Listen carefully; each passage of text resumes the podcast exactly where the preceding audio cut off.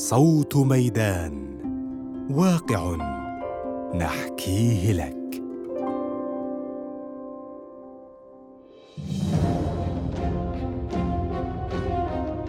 أشباح الفيرماخت. كيف تصعد النازية في ألمانيا من جديد؟ نص لمحمد السعيد على موقع ميدان.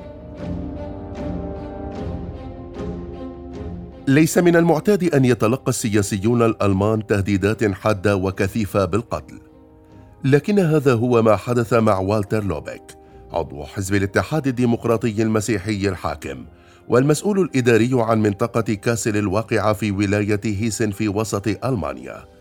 بعد أن قرر السياسي الألماني أن يدافع علنا عن سياسة اللاجئين الخاصة بالمستشارة الألمانية أنجيلا ميركل من خلال جولات خاصة في البلدات الصغيرة بمنطقته حرص خلالها على التأكيد أن الترحيب بالمحتاجين واللاجئين يقع في صميم القيم الألمانية والمسيحية.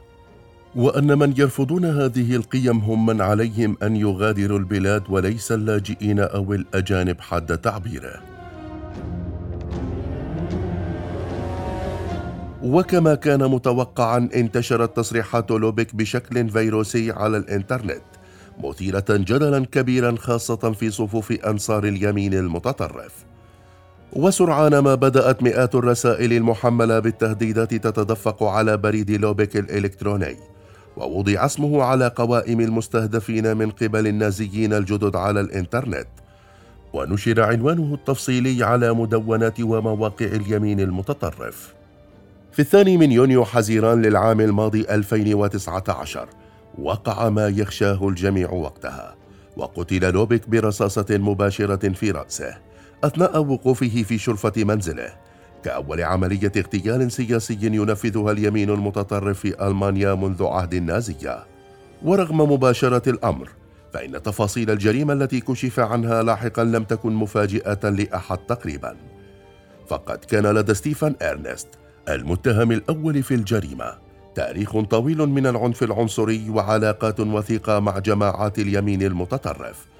وسبق اتهامه بطعن مهاجر حتى الموت عام 1992 وأمضى لاحقا بعض الوقت في السجن إثر اتهامه بمحاولة تفجير إحدى المنشآت. وكان يمتلك خمسة أسلحة على الأقل منها مدفع رشاش ومسدس عيار 38 وهو السلاح الذي استخدمه في قتل لوبيك. ورغم أن المكتب الاتحادي لحماية الدستور وهو جهاز الاستخبارات الألماني الداخلي احتفظ على الدوام بمعلومات دقيقة حول إرنست فإنه سقط من نظم المراقبة الاستخباراتية للمكتب سهوا أو عمدا بسبب التركيز المبالغ فيه للجهاز على حيز الإسلاميين المتشددين. وعلى الرغم من أن مقتل لوبيك وضع ألمانيا أمام لحظة فارقة وجدت نفسها فيها مجبرة على الاعتراف بمدى جدية التهديد الذي يشكله اليمين المتطرف في البلاد بدلا من التقليل الدائم منه. فإن لوبيك لم يكن أول سياسي ألماني يتعرض للعنف بسبب مواقفه من اللاجئين. ففي عام 2015 تعرضت رئيسة بلدية كولونيا هنرييت ريكر للطعن في الحلق من قبل عاطل عن العمل. أراد أن يبدي احتجاجه على سياسة قبول اللاجئين في البلاد.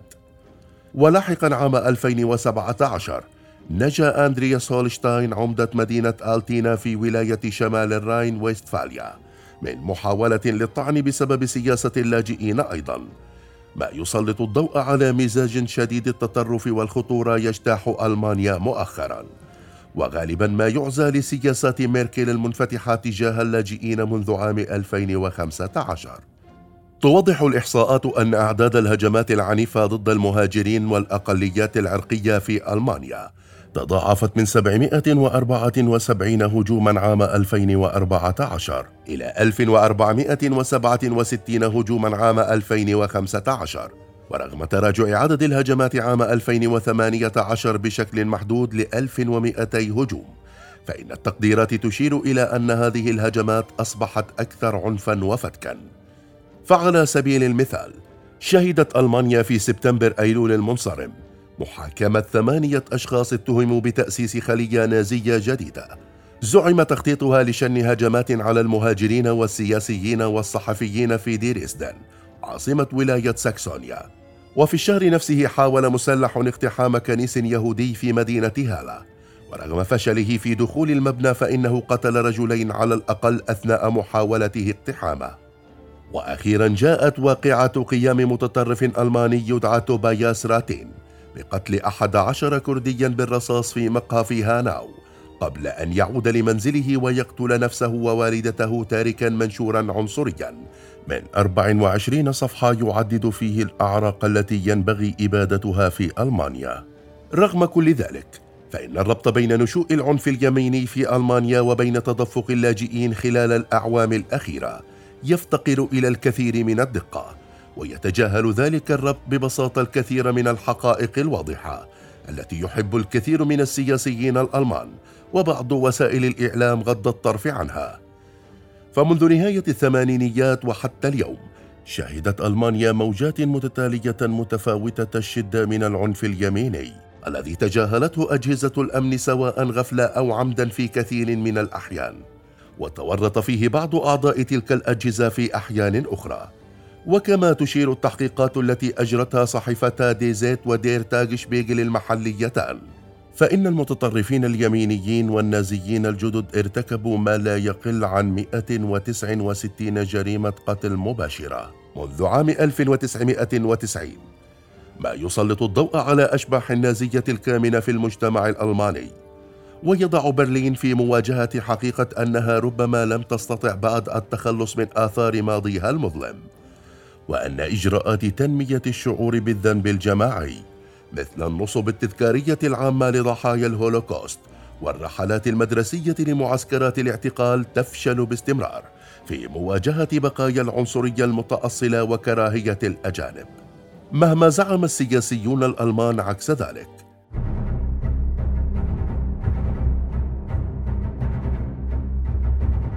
النازيون الجدد. في سبتمبر أيلول عام 1980 حدث انفجار خلال احتفالات مهرجان أكتوبر للجعاف في ميونخ أسفر عن مقتل 13 شخصا وإصابة العشرات.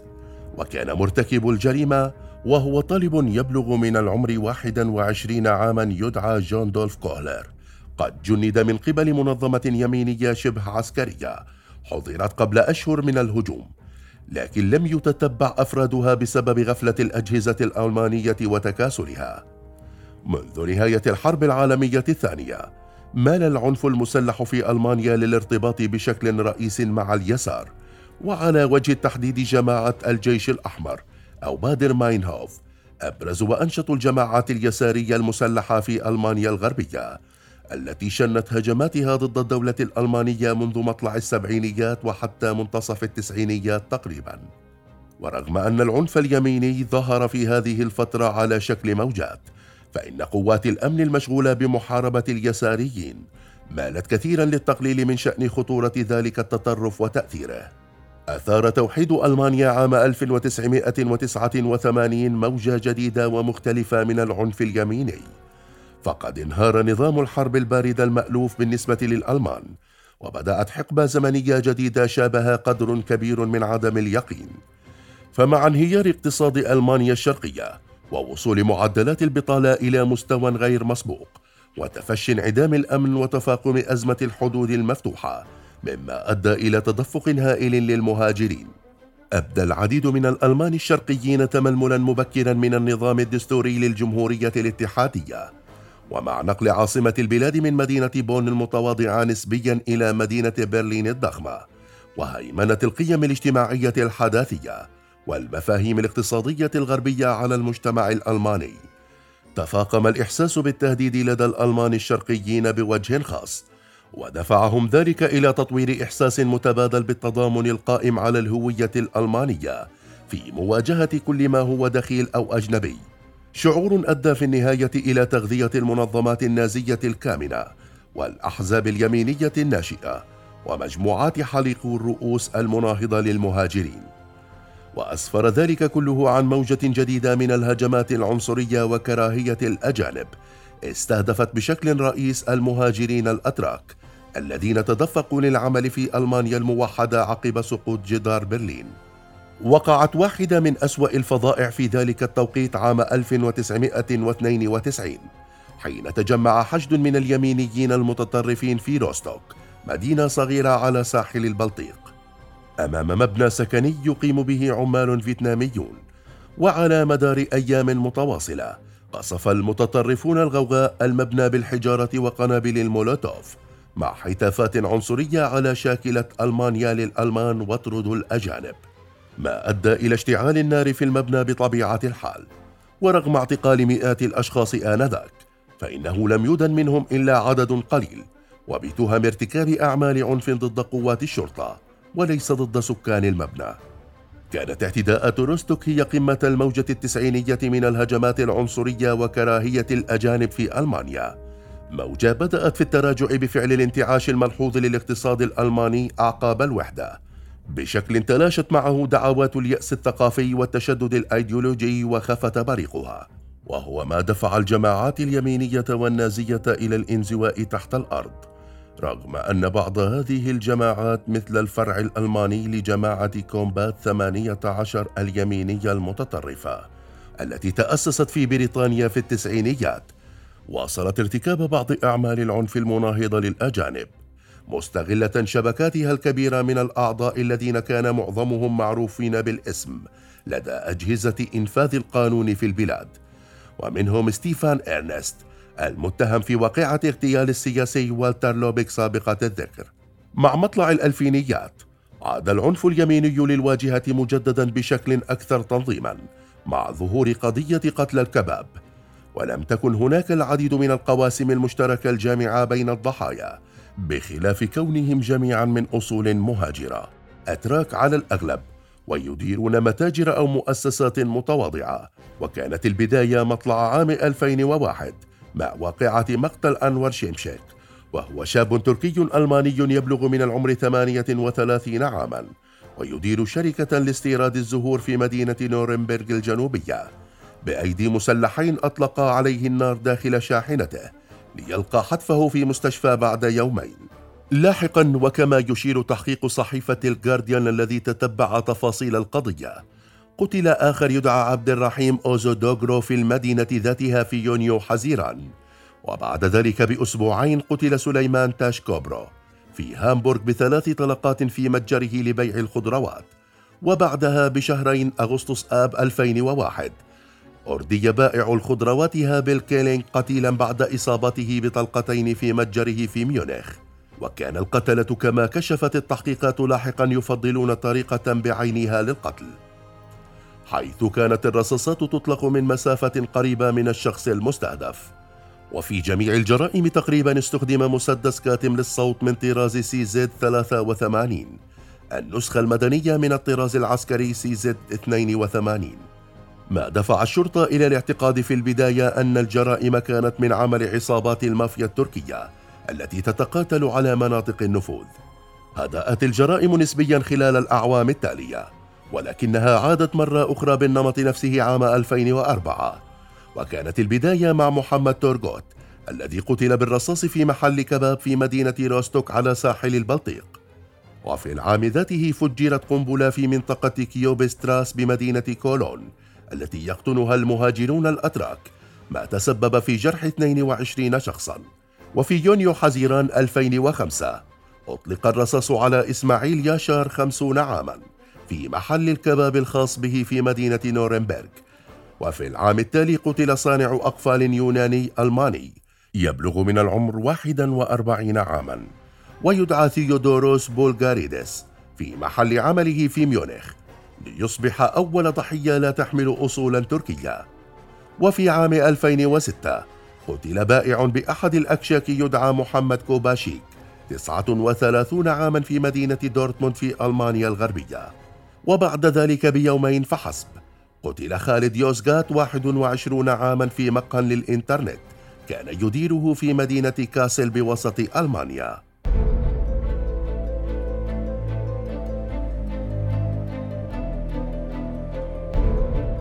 وقعت حوادث القتل تلك في سبع مدن مختلفة في جميع أنحاء ألمانيا من شرقها إلى غربها. وعادة ما كان يفصل بينها فترات طويلة وصلت إلى سنوات في بعض الأحيان. وقد جعل كل ذلك الربط بين مرتكبيها صعبا لدرجة أن السلطات الألمانية لم تقتنع بأن تلك الجرائم متصلة ببعضها إلا عام 2006 وكان على أجهزة الأمن الانتظار خمسة أعوام أخرى. وتحديدا حتى عام 2011 لكشف مزيد من التفاصيل حول القضايا الغامضة. بعدما حصلت مجموعة من الصحف الألمانية على أقراص رقمية حوت مقطع فيديو مثيرا للاهتمام عبارة عن حلقة منتجت من مسلسل الكرتون الشهير النمر الوردي. وأظهرت الحلقة النمر وهو يتجول في الشوارع أمام ملصقات مكتوب عليها عبارات قفوا مع شعبكم قبل أن يقوم بتفجير محل للبقالة ليقطع الفيديو فجأة. وتحل محله لقطات إخبارية لمحل هجم عليه بطريقة مماثلة في مدينة كولونيا عام 2001 عاد المقطع بعد ذلك ليظهر النمر الوردي وهو مستلق على أريكته. يشاهد تقارير إخبارية حقيقية حول جرائم القتل الغامضة التي امتدت على مدار أكثر من عقد. قبل أن يظهر شعار على الشاشة يشير إلى كون هذه الأفعال. ارتكبت بواسطة جماعة أطلقت على نفسها جماعة الاشتراكيين الوطنيين السرية. وبينما كانت الصحافة والشرطة في حيرة من أمرهم لجمع أي معلومات ممكنة حول الجماعة الجديدة وهويتها. فإن هذه الحيرة تبددت أخيرا في نوفمبر تشرين الثاني من العام نفسه حين طاردت الشرطة رجلين حاولا السطو على أحد البنوك في ولاية تورينغن في وسط ألمانيا. وأثناء محاولة القبض عليهما حاصرت الشرطة الشاحنة التي استقلها الرجلان بدراجتيهما النارية لتكتشف مخزونا ضخما من الأسلحة والذخائر داخل الشاحنة. لكن المفاجأة أن الرجلين لم يستسلما للشرطة ولم يحاولا الهرب ولكنهما قاما بقتل نفسيهما وإشعال النار في الشاحنة في مشهد سينمائي بامتياز. سرعان ما تعرف على جثتي الرجلين. وهما أوي موندلوس وأوي بوهندهارت وكلاهما من أقدم أعضاء اليمين الألماني المتطرف وقد فرا بصحبة صديقة ثالثة لهما تدعى بيت شابي من الشرطة قبل ثلاثة عشر عاما ليسكنوا جميعا في شقة ببلدة تسفيكاو في ولاية ساكسونيا. قبل أن تقوم تشابي بحرق الشقة بأكملها بعد علمها بمقتل رفيقيها وعندما قامت الشرطة لاحقا بتفتيش بقايا الشقة المحروقة وجدت قصاصات جرائد نجت من النيران حول قضايا مقتل الضحايا الأتراك ونسخا من شرائط فيديو النمر الوردي ومسدسا من طراز سي زد 83 ورغم هذا التدفق الكبير في المعلومات حول القضية فإن الكثير من الأسئلة الجوهرية حول جرائم الكباب كما سميت ظلت بلا إجابة.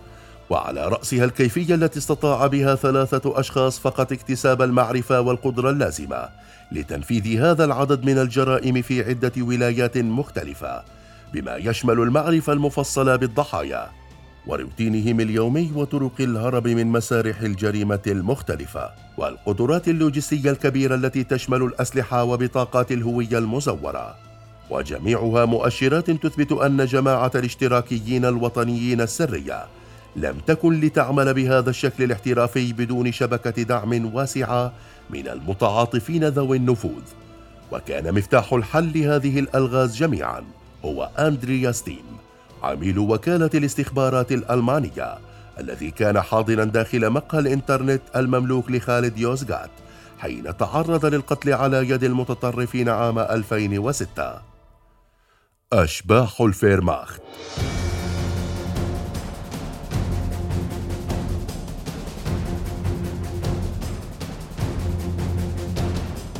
وفقا لما أوردته الغارديان فإن تيم ادعى خلال شهادته عام 2013 أنه لم يسمع الرصاصات الصامتة التي أودت بحياة يوزغات كما لم يلاحظ رذاذ الدم على الحائط وراء مكتب دفع الحساب أثناء مغادرته مؤكدا أن وجوده في موقع الجريمة في وقت الحادث كان محض مصادفة.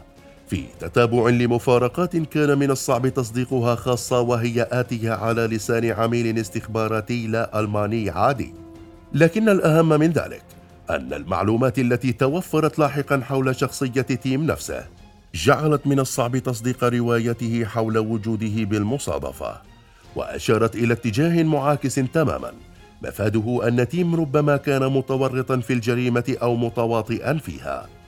أوضح شهود الادعاء أثناء وصفهم لشخصية تيم أنه يحمل ميولا نازية لا يمكن إخفاؤها لدرجة أنه عرف في صغره بأدولف الصغير نسبة إلى أدولف هتلر.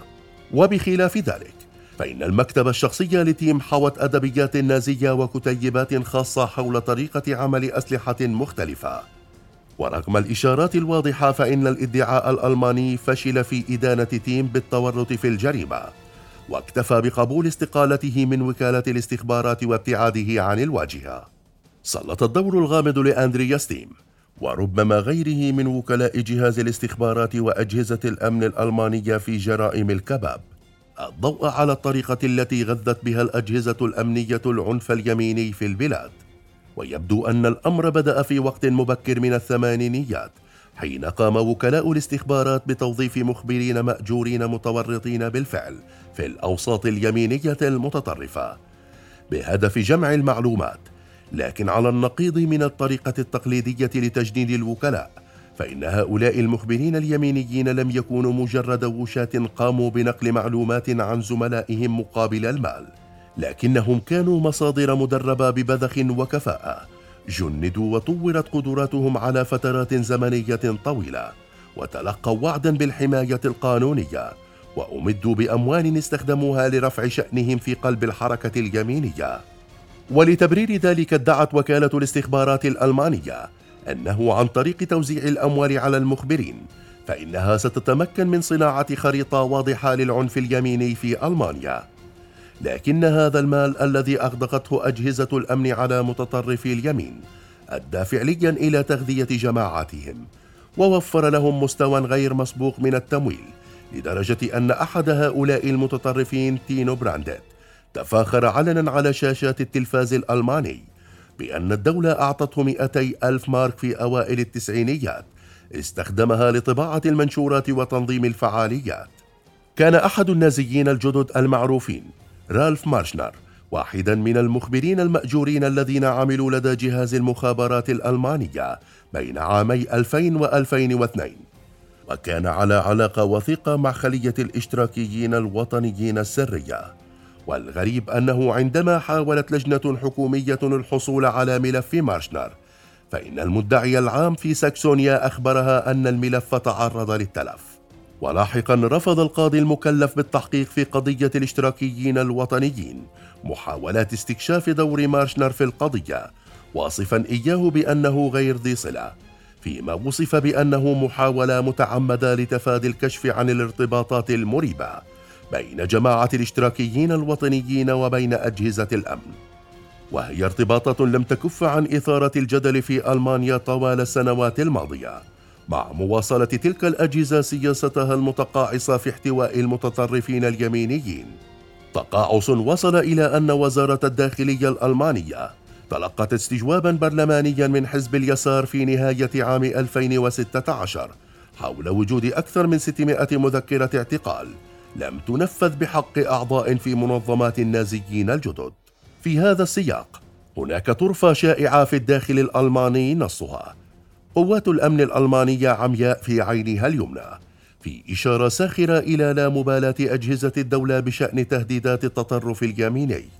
ولا يقتصر ذلك فقط على اعتناق بعض أفراد أجهزة الأمن للمعتقدات اليمينية المتطرفة مثل التجانس العنصري وتورطهم في تسهيل أعمال العنف اليميني. لكن تلك اللامبالاة أو التعمد يشملان أيضا تورط نظام العدالة الألماني في غض الطرف عن هذه الجرائم ومنع تقديم الأدلة التي تثبت تورط المسؤولين الألمان في تسهيل هذا النوع من العنف المسلح. ونتيجة لهذه الثقافة المؤسسية التي ترسخ لإفلات المتطرفين اليمينيين من العقاب. ظلت الأفكار اليمينية المتطرفة وأيديولوجيا النازيين الجدد تتسلل ببطء لقلب الأجهزة الأمنية والعسكرية في ألمانيا. وللدقة لطالما اعتبر جهاز الاستخبارات الألماني ذا ميول يمينية طبيعية منذ أسسه الأمريكيون أعقاب الحرب العالمية الثانية حيث اضطر الجهاز للترحيب بالنازيين والأعضاء السابقين في الشرطة الألمانية السرية الجستابو ضمن صفوفه. وكانت مهمة الجهاز الأساسية هي التجسس على أعضاء الحزب الشيوعي الألماني. وكانت هذه الميول النازية غير الخفية هي السبب في انشقاق أوتو جون أول رئيس للجهاز وهربه إلى ألمانيا الشرقية عام 1954 ليخلفه في رئاسة الجهاز هوبرت شروبرز العضو السابق في وحدات إس إس وافن شبه العسكرية الشهيرة التابعة للحزب النازي حيث حظر في عهده الحزب الشيوعي الألماني. ومع تواتر التقارير حول الميول النازية الكامنة في قلب جهاز الاستخبارات الألماني فإن عددا من الأحزاب السياسية الكبرى في البلاد مثل حزب الخضر وحزب اليسار سبق أن طالب بإلغاء وكالة الاستخبارات الداخلية في البلاد.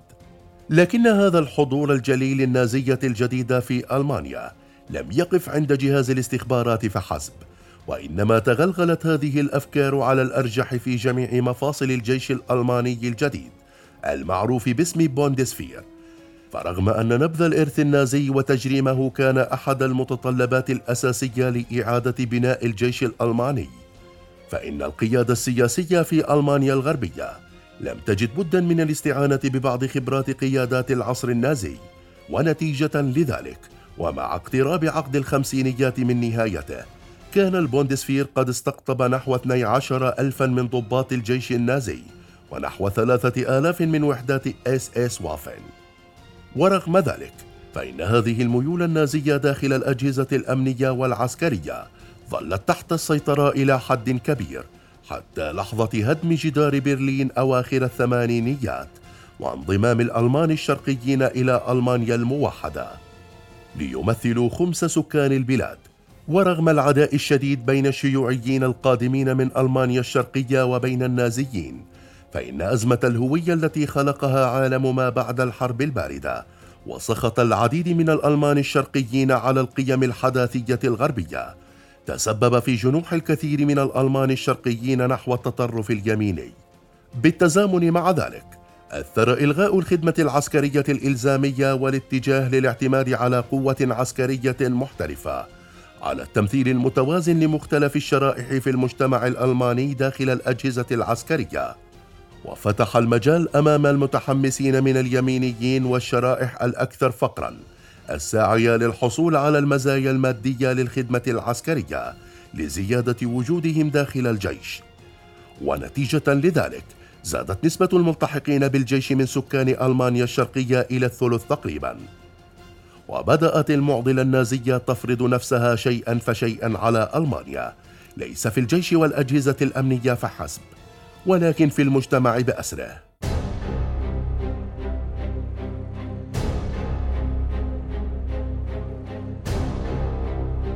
أبواق اليمين. بدأت آثار هذا التوجه اليميني في المجتمع الألماني في لفت الأنظار منذ عام 2014 تزامنا مع موجة اليمين المتطرف التي اجتاحت أوروبا كلها كرد فعل على الأزمة الاقتصادية في منطقة اليورو وعلى أزمة اللاجئين السوريين وتوافدهم على أوروبا خاصة مع قرار المستشارة الألمانية ميركل فتح الأبواب لاستقبال مئات الآلاف من اللاجئين الفارين من الصراع الدموي على الأراضي السورية. وقتها بدأت الصراعات العسكرية التي اجتاحت الشرق الأوسط في فرض نفسها داخل مجتمعات المهاجرين في ألمانيا. هذه المرة في صورة صراعات ثقافية. وكان المثال الأبرز على ذلك اشتباكات الشوارع التي وقعت في مدينة هامبورغ. في أكتوبر تشرين الأول عام 2014 بين مؤيدي الجماعات الجهادية وبين مناصري الأكراد واليزيديين الذين كانوا ينظمون تظاهرة خاصة تضامنا مع بلدة كوبان السورية المحاصرة. مشهد التقطه لوتس باخمان صاحب شركة دعاية وإعلان تقوم بأعمال الدعاية لصالح الملاهي الليلية في ديرزدن بولاية ساكسونيا. ليدشن مجموعة على فيسبوك باسم الأوروبيون المسالمون ضد أسلمة الغرب. دعا فيها للنزول للشوارع لتوصيل رسالة للسياسيين احتجاجا على ما وصفها بسياسات الأسلمة والأبوية. والصوابية السياسية وإهانة الوطنيين ووصفهم بالنازية لكونهم يدافعون عن بلادهم. مشبها دعوته بصرخة الاحتجاج التاريخية للمتظاهرين في ألمانيا الشرقية في الأسابيع التي سبقت انهيار الشيوعية وسقوط جدار برلين. تحولت المجموعة سريعا في غضون أيام إلى حركة سياسية عرفت نفسها باسم بيغيدا أو وطنيون أوروبيون ضد أسلمة الغرب. وخلال أيام قليلة إضافية نجحت بيغيدا في اكتساب زخم كبير ونظمت مظاهرات أسبوعية في دريسدن وألهمت تحركات مماثلة في العديد من المدن والولايات الشرقية مثل لايبزيغ وكاسل وحتى في بعض المناطق الغربية مثل فورتسبورغ وبون وفرانكفورت. وبحلول شهر ديسمبر كانون الأول كانت مظاهرات بيغيدا تستقطب أكثر من عشرين ألف مشارك. وبدا أن الحركة اكتسبت زخما لا يمكن وقفه وأنها في طريقها لتدشين تحول سياسي كبير. لكن في خلال ثلاثة أسابيع فقط تلاشى زخم بيغيدا بشكل مفاجئ بفعل مظاهرات مضادة أكبر حجما بكثير نظمتها الجماعات اليسارية والخضر والديمقراطيون الاجتماعيون ومنظمات المهاجرين والكنائس. وبحلول منتصف فبراير شباط 2015 تضاءل حجم تظاهرات بيغيدا إلى بضع مئات فقط لدرجة دفعت البعض إلى الاعتقاد بأنها كانت مجرد ظاهرة ثقافية مؤقتة. ولدها الوضع الفريد لولاية ساكسونيا التي تحمل إرثا تاريخيا من العداء للمهاجرين والأجانب. لكن هذا الاعتقاد سرعان ما تلاشى بفعل الصعود السياسي الكبير لحزب البديل من أجل ألمانيا AFD وهو حزب سياسي يميني متطرف يتبنى أجندة حمائية معادية للمهاجرين ومناهضة للاتحاد الأوروبي.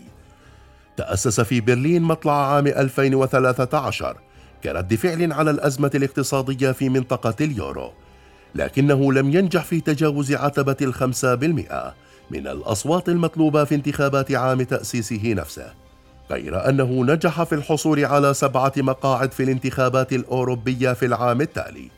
كما نجح في تحقيق انتصارات ملحوظة في انتخابات الولايات خلال الأعوام التالية.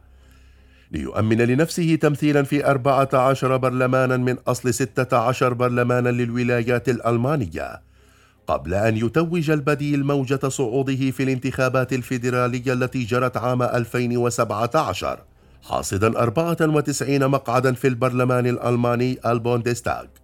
ليصبح بموجبها الحزب المتطرف ثالث أكبر الأحزاب تمثيلا فيه. كان حزب البديل هو أول حزب شعبوي يميني يحصد نجاحا انتخابيا في ألمانيا منذ الحرب العالمية الثانية. ومثل نجاحه أول خرق سياسي للإجماع الليبرالي الألماني بعد الحرب. لذا فإن صعود الحزب أصاب السياسة الألمانية بهزة كبيرة خاصة مع الارتباط الأيديولوجي الذي يجمعه مع مؤيدي أيديولوجية النازية الجديدة رغم إنكار الحزب لهذه الروابط. فضلا عن كون صعود الحزب قد منح قبلة الحياة السياسية لهذه الأفكار بعد أن ظن الجميع أنها قد تلاشت بفعل آثار الانتعاش الاقتصادي خلال العقد الأول من الألفية. عبر نجاح حزب البديل في جوهره عن صعود ثقافة فكرية جديدة في ألمانيا. لم تعد راضية عن السياسات الاقتصادية والاجتماعية للحزب الديمقراطي المسيحي تحت قيادة ميركل خاصة فيما يتعلق بمواقف الحزب من المهاجرين والإسلام. ولكن الجديد أن الموجة اليمينية الجديدة التي صاحبت صعود الحزب لم تعد محصورة في المناطق الشرقية المعادية تقليديا للمهاجرين رغم أنها حاضرة بشكل أكثر وضوحا في هذه المناطق. أو مرتبطة بالطبقات الأدنى في السلم الاقتصادي لكنها تبدو أكثر ارتباطا بطبقة برجوازية جديدة متعلمة محافظة ودوائر يمينية راديكالية بعضها من المؤيدين السابقين للحزب الديمقراطي المسيحي نفسه. لكن أهم ما يجعل هذه البيئة مختلفة عن الدوائر المحافظة التقليدية في الماضي هو أنها تضم مجموعات فكرية مختلفة لم يبدو حتى وقت قريب أن هناك الكثير من القواسم المشتركة بينها. على رأس هؤلاء مفكرو اليمين المتطرف التقليديون في ألمانيا الغربية أمثال كارل هاينز وايسمان وهيمو شويلك وغوتز كوبيتشيك الذين كانوا يضغطون منذ سبعينيات القرن الماضي من أجل قومية يمينية متعصبة ومنع تحول ألمانيا إلى مجتمع متعدد الثقافات. وحازوا حضورا ملحوظا خلال فترة حكم المستشار هيلموت كول في ثمانينيات وتسعينيات القرن الماضي. رغم أن تأثيرهم السياسي ظل محدودا مع بقائهم على هامش السياسة الألمانية لكن هذا الوضع تغير مؤخرا بعد أن انضم لهؤلاء مجموعة أخرى من الممثلين البارزين للطبقة الفكرية السائدة في ألمانيا الغربية من المفكرين الذين كانوا مقربين سابقا من دوائر السلطة. ولكنهم خسروا نفوذهم في الإعلام والسياسة والثقافة بحكم التغيرات الاجتماعية والسياسة متعددة الثقافات وصعود الأقليات.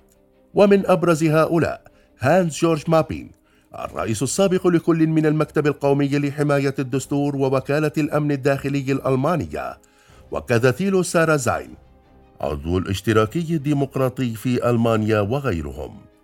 ينضم إلى هؤلاء مجموعة أخرى يكتمل بها ثالوث النخبة اليمينية الجديدة في ألمانيا اليوم. وهم الألمان الشرقيون الذين كانوا مهمشين في جمهورية ألمانيا الشرقية سابقاً. ممن تولوا مواقع قيادية في المجتمع المدني خلال الفترة الانتقالية. والذين خابت آمالهم بسبب الطرق التي تم بها توحيد شطري ألمانيا. وبفعل هيمنة الثقافة الغربية. ويرى هؤلاء أن صعود الأفكار اليمينية اليوم هو امتداد بشكل ما لثورة الألمان الشرقيين عام 1989 ورغم أن هذه المجموعات لم يربط بينها في وقت سابق أي شبكات سياسية فإنها تشترك جميعها اليوم في رفضها لأفكار التعدد الثقافي وقبول الآخر ومبالغتها في التحذير من خطر المهاجرين والمحاولات المزعومة لأسلمة ألمانيا. ورغم أن هذه المجموعات المتباينة لا تزال تحمل قدرا كبيرا من التباين والاختلاف فيما بينها ورغم أن أغلبها يرفض العنف ضد الأقليات والمهاجرين كوسيلة لترويج أفكارها. فإن توفر البيئة الأيديولوجية والسياسية التي تغذي صعود قوى اليمين المتطرف العنيفة ومجموعات النازية الجديدة بشكل جماعي أصبحت اليوم الخطر الأكبر الذي يهدد مستقبل ألمانيا كدولة ليبرالية تعددية. وهو خطر يبدو أن معظم صناع القرار في ألمانيا لا يزالون يهونون من حجمه عمدا أو تقليلا منه. ويتناسون أن ألمانيا المزدهرة والمستقرة سياسيا اليوم. كانت قبل ثلاثة عقود فقط تعيش في خضم أزمة اقتصادية واجتماعية عميقة. وأنه رغم التغييرات المذهلة التي شهدتها البلاد منذ مطلع التسعينيات وحتى اليوم فإن أشباح توترات الماضي وخطوط الصدع التي خلقتها لا تزال أصواتها تتردد في الجنبات السياسية والمجتمع في ألمانيا حتى يومنا هذا. اشباحا ان استمر تركها على هذه الشاكلة فقد تنمو وتعيد مبادئ الرايخ الثالث في ثوب أكثر حداثة والأهم أنه سيكون على الأرجح. أكثر صعوبة في إسقاطه من شقيقه الأكبر بكثير.